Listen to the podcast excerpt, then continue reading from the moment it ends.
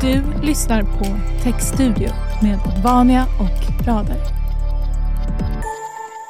Varmt välkomna till Textstudion med Advania och eh, Radar. Det här är avsnitt två. Eh, idag sitter jag här med Lovisa Stenbäcken Stjärnlöf. Varmt välkommen. Tackar, tackar. Eh, du leder Advanias team inom Identity och Governance. Hur eh, kommer det sig att man har satt ihop identitetshantering med styrning? Ja, men precis. Eh, generellt sett som vi ser hos våra kunder så hamnar eh, de här områdena ihop i samma team. Eh, man vill lägga grunden med identiteten och sen så behöver man kontinuerligt styrning av det för att upprätthålla sitt liksom, säkerhetsramverk. Så då här- har vi satsat på det. Ja, och det här ska vi prata lite mer om Yes. idag. Men innan vi kastar oss ut i detta underbara område. Eh, vem är Lovisa egentligen? Ja, jag eh, har varit på Advania i lite drygt ett år och jobbat med eh, identitet och eh, governance-frågor. Eh, har jobbat inom det här området under flera år eh, och eh, har också en eh, tidigare bakgrund kring molntjänster i allmänhet. Just nu så jobbar vi mycket med eh, plattformen som heter Okta och där har jag också eh, varit med och författat en bok kring att sätta upp och administrera Okta som plattform. Och eh, det här är en populär bok förstår jag. Oh ja, eh, bestseller på alla listor. Nej, men en väldigt bra verktyg eh, för eh, om man just ska sätta upp det som ett IAM-system. Just det. Sen förstod jag också att du tillhör den här nya hybrida arbetsgenerationen. Du bor inte i Stockholm. Nej, men precis. Jag körde klassiska pandemigrejen och sålde lägenheten i Stockholm och tog man och barn och flyttade hem till Borlänge som jag är uppvuxen i. Så jag jobbar hemifrån på hemmakontor, likaså gör min man. Eh, så vi sitter och häckar i vår villa eh, dagligen, förutom när jag är här då och gör roliga saker i Stockholm. Mm. Och här leder du team. Ja, Mm. Hur många är ni?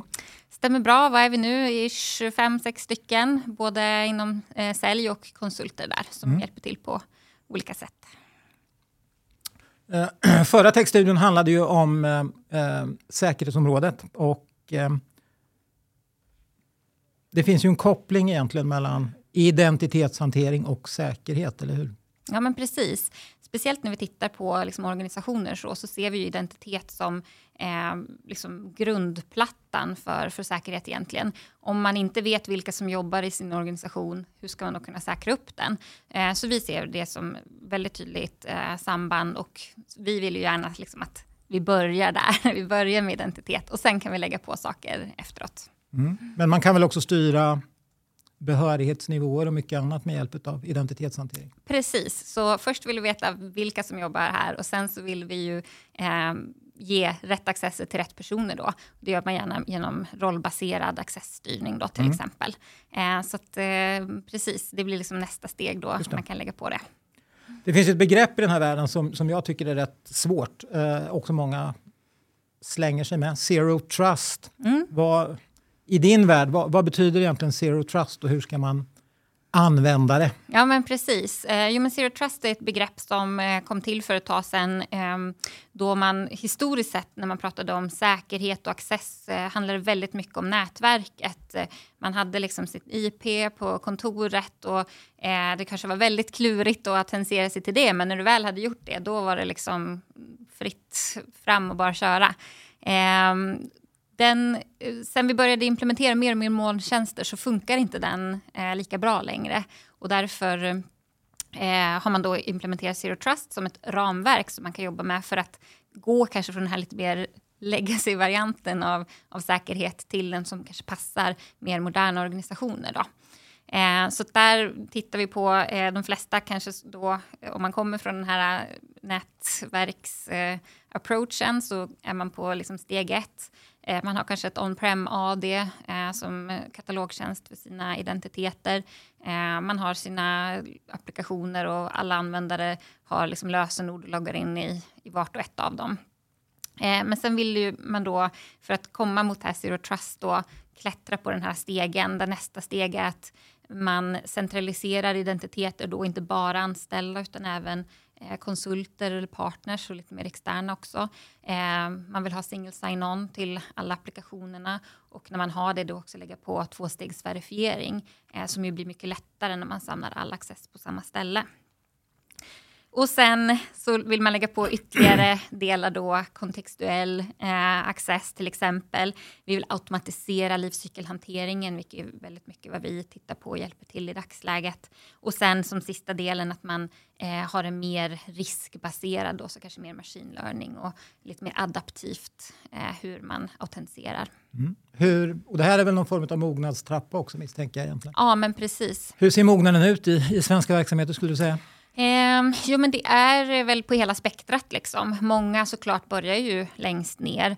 Är man ett bolag eller en organisation som är liksom över 10-20 år, ja men då har man ju legacy-bitar i sin verksamhet. Så är det ju bara.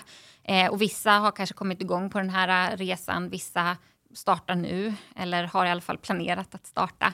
Eh, Medan kanske då nyare bolag har eh, lättare att komma in kanske redan på ett högre trappsteg från början. Man har redan 100% mån till exempel och man kanske har vissa av de här tjänsterna redan i, i sitt, eh, eh sina applikationer idag. Mm. Ehm, så det är väldigt varierat. Men eh, man kan väl säga lite grann att om man inte redan har börjat planera åtminstone för liksom, IAM och någon sorts ramverk som Zero Trust, ja, men då ligger man efter och då har man problem. Så då är det dags. då har man mycket att göra. Ja.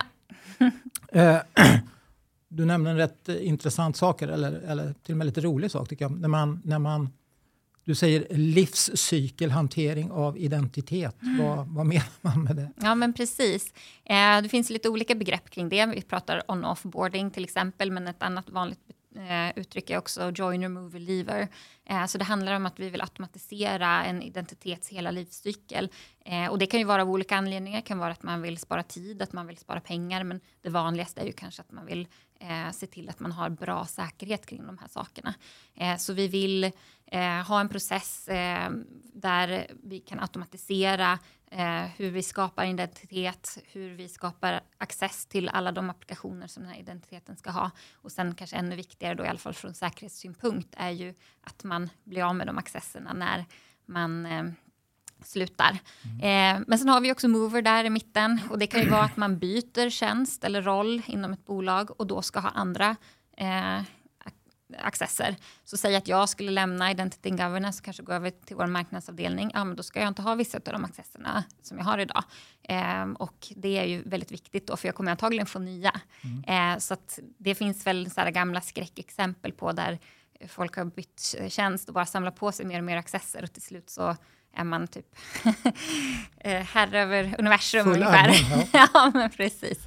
Eh, så det, det, är, det är rätt intressant därför att vi, vi, har, eh, alltså vi har en enorm rörlighet på arbetsmarknaden och mm. speciellt inom IT-området så, så ligger personalrörligheten över 22 procent just nu på årsbasis efter att vi kommit från en pandemi där ingen har rört på sig till att vi nu rör på oss i, i väldigt hög grad. Och det här kostar ju pengar mm. och skapar ju osäkerhet med största sannolikhet, eller hur? Jo men så är det ju. Och, eh, många bolag är ju en enorm tillväxt också nu eh, och eh, det är svårt att hänga med. Så att vissa tittar ju på eh, liksom identity and access management som en del i att kanske inte behöva anställa eh, in till liksom IT-support eh, eller intern IT i samma utsträckning som man kanske gjorde förut genom att automatisera istället och se till att eh, de här bitarna tas om hand om med automatik. Och då blir det också mer exakt likadant varje gång till skillnad från kanske när man har den mänskliga faktorn som kan vara en del av det. Hur har egentligen, eller vad är den stora skillnaden då att jobba med, med eh, IAM nu när vi kanske, precis som du själv ger exempel på, sitter på hemmakontor och ibland på det fysiska kontoret kontra eh, ja, arbetsplatsen före pandemin egentligen?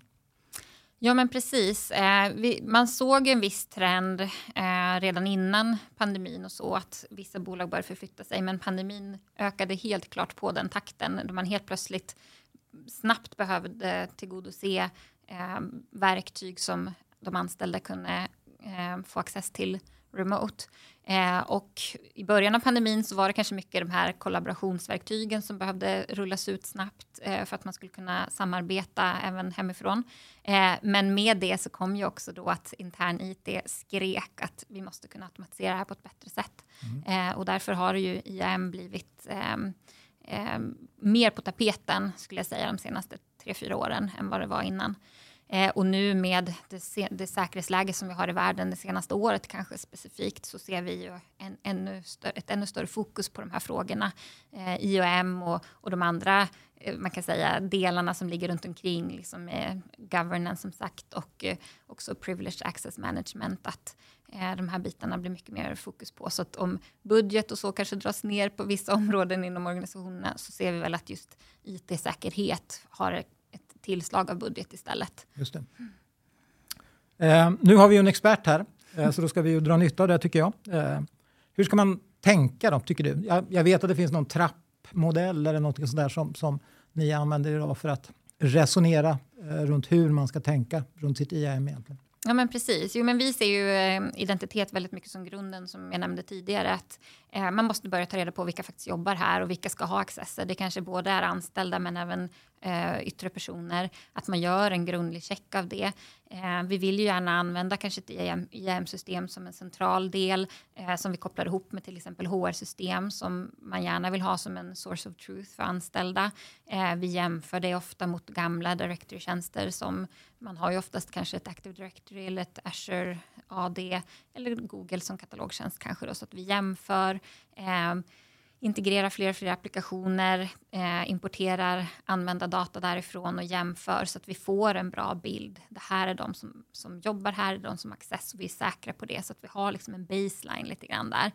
Mm. Eh, och sen så eh, lägger vi gärna på andra delar sen, som precis som i Zero Trust-trappan eller mognadsgraden där så eh, vi lägger på delar med SSO, MFA, vi automatiserar med livscykelhanteringen och det är ju oftast ganska generella eh, automationer där. Att vilka appar ska alla ha access till? Vilka ska du ha access till om du säljer och så vidare. Men sen är det ytterligare en nivå att man kanske behöver tillfälliga accesser. Man kanske tillfälligt ska leda ett projekt under x antal månader och behöver access till något system eller eh, man kanske behöver någon väldigt privilegierad access under en väldigt kort tid, kanske 30 minuter, som man lägger på de här bitarna. Och sen skulle jag säga slutdelen är att vi har mer auditförfarandet, att mm. kontinuerligt kontrollera eh, våra egna processer också, inte bara eh, kontrollera vad vi har i systemen, utan att processerna fungerar och mer governance-biten kring det. Mm.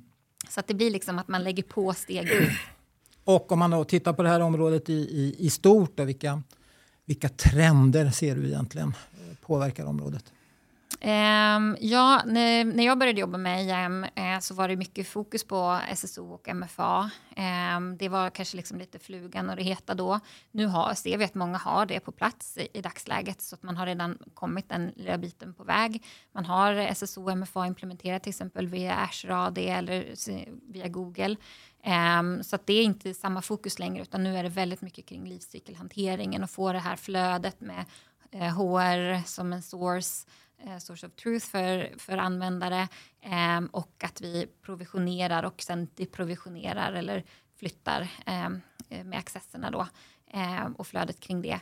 Och sen nästa lilla steg som vi såg kanske kom mer med eh, pandemin i slutfasen där, att vi också kopplar upp det mot endpoint management system så att vi har liksom en device management del i det här. Att eh, kanske att eh, när du loggar in från en eh, dator som är tillhandahållet av din organisation så har du en upplevelse. Om du loggar in från hemmadatorn då har du en annan upplevelse. Och vi kanske till och med kontrollerar compliance för vissa eh, mer affärskritiska system eller utvecklingsmiljöer eller så.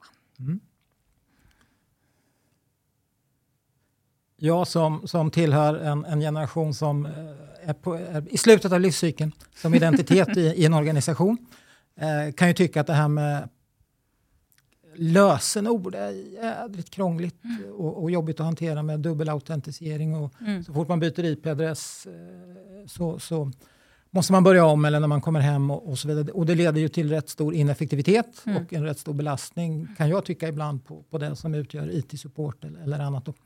Eh, och det är väl den vanligaste frågan runt, runt lösenord eh, i, vår, i våra organisationer. Kommer vi, kommer vi tvingas leva med lösenord Ja, jämt. Ja, men liksom. precis. Nej, men det är väl eh, väldigt mycket en trend som är uppe i, liksom mitt i just nu. Dels så pratas det mycket passwordless, eh, så att eh, det finns eh, trender i att ta bort det helt och hållet. Eh, så att du aut autentiserar på olika tvåstegsverifieringar istället egentligen då. Eh, du kanske har eh, en pushnotifiering på mobilen. Eh, mycket ser vi nu kring certifikat på datorn eh, som liksom lite phishing resistant då MFA tillsammans med biometrics kanske då, så mm. ditt fingeravtryck eller ansiktsigenkänning.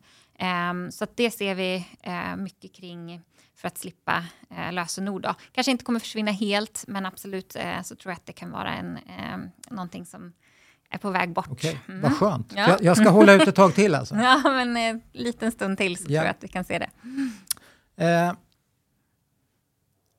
identitetshantering kopplar ju väldigt tydligt mot, mot säkerhet och säkerhetsområdet. Eh, men hur, hur utmanande är det här ur ett integrationsperspektiv egentligen? Ja men precis. Eh, för att eh, kunna få till den här livscykelhanteringen som vi ser och den automationen så måste vi integrera mot otroligt mycket såklart. Mm. Att kunna automatisera det här skapandet och ta bort eh, konton i, i andra applikationer så måste vi ha en integration. Så att eh, jag brukar ju se ett, liksom, man tänker ett Identity and Access Management system som är egentligen en integrationshubb för identitet. Um, så man kan ju ha eh, kompletta integrationsverktyg för data eh, men just ett IAM blir ju det för identitet. Um, så där jobbar vi mycket med standardiserade protokoll, integrerar mot eh, eh, egentligen alla system som, eh, som vi eh, interagerar med i en verksamhet. Då. Mm. Eh, så för single sign-on så har vi standardprotokoll som SAML OpenID Connect. Eh, för provisionering så använder vi SKIM-protokollet. Och för applikationer som vi jobbar med som inte stöder SKIM för provisionering så eh, kollar vi om vi, vi, kan göra det med API istället. Då. Så då, då vill man gärna försöka standardisera även det så långt som mm. möjligt. Kanske inte skriva egna skript om vi kan undvika det, utan använda mer en workflow, no code workflow motor för det. På mig så låter det lite som att eh, du säger egentligen att sånt här ska man inte utveckla själv, utan man ska köpa någon form av standardplattform. Ja men precis. Vår eh, liksom, take på det är ju att vi tycker att identitet är liksom så otroligt grundläggande i alla organisationers säkerhetsarbete. Så att Ehm, för att vara helt säker på att man inte råkar utveckla någonting fel så skulle jag säga eh, buy versus build. Och det är också lite grann för att framtidssäkra. Som sagt, i eh, liksom fjärde nivån i Zero Trust-ramverket eh, så ser vi just det att vi tittar mer på adaptiva saker. Vi ser mer machine learning i riskbeteende. Eh, med en centraliserad plattform som du har köpt in så kan du få eh, fördelar att, eh, från andra organisationer. Så att om en organisation som är eh, använder samma plattform som du gör får någon sorts IP-attack på sig, ja, men då kan den plattformen stänga ner den IP-adressen även för din organisation. Mm. Så den typen av fördelar som man får med sig eh, och som sagt mycket kring framtidens machine learning extra, den är svår att bygga själv. Mm. Så jag skulle säga för framtidslösning och eh, eh, verkligen säkerhetstänket så, så är det bra att ta in en standardiserad plattform. Om man tänker framtid då, eh, vi ser ju rätt tydligt nu att, att vi driver rätt hög automatisering, rätt hög digitalisering i Sverige som prioritering därför att vi vill bygga bort effekter av inflation, effekter av störningar och, och mycket annat. Vi inför machine learning, AI, chatbots, robotisering, en massa saker. Och, eh, det här syftar egentligen till att bort, ta bort människor i processer. Men det innebär ju också att vi kanske lyfter in virtuella roller i vår organisation. Hur, hur ska man hantera det rent identitetsmässigt?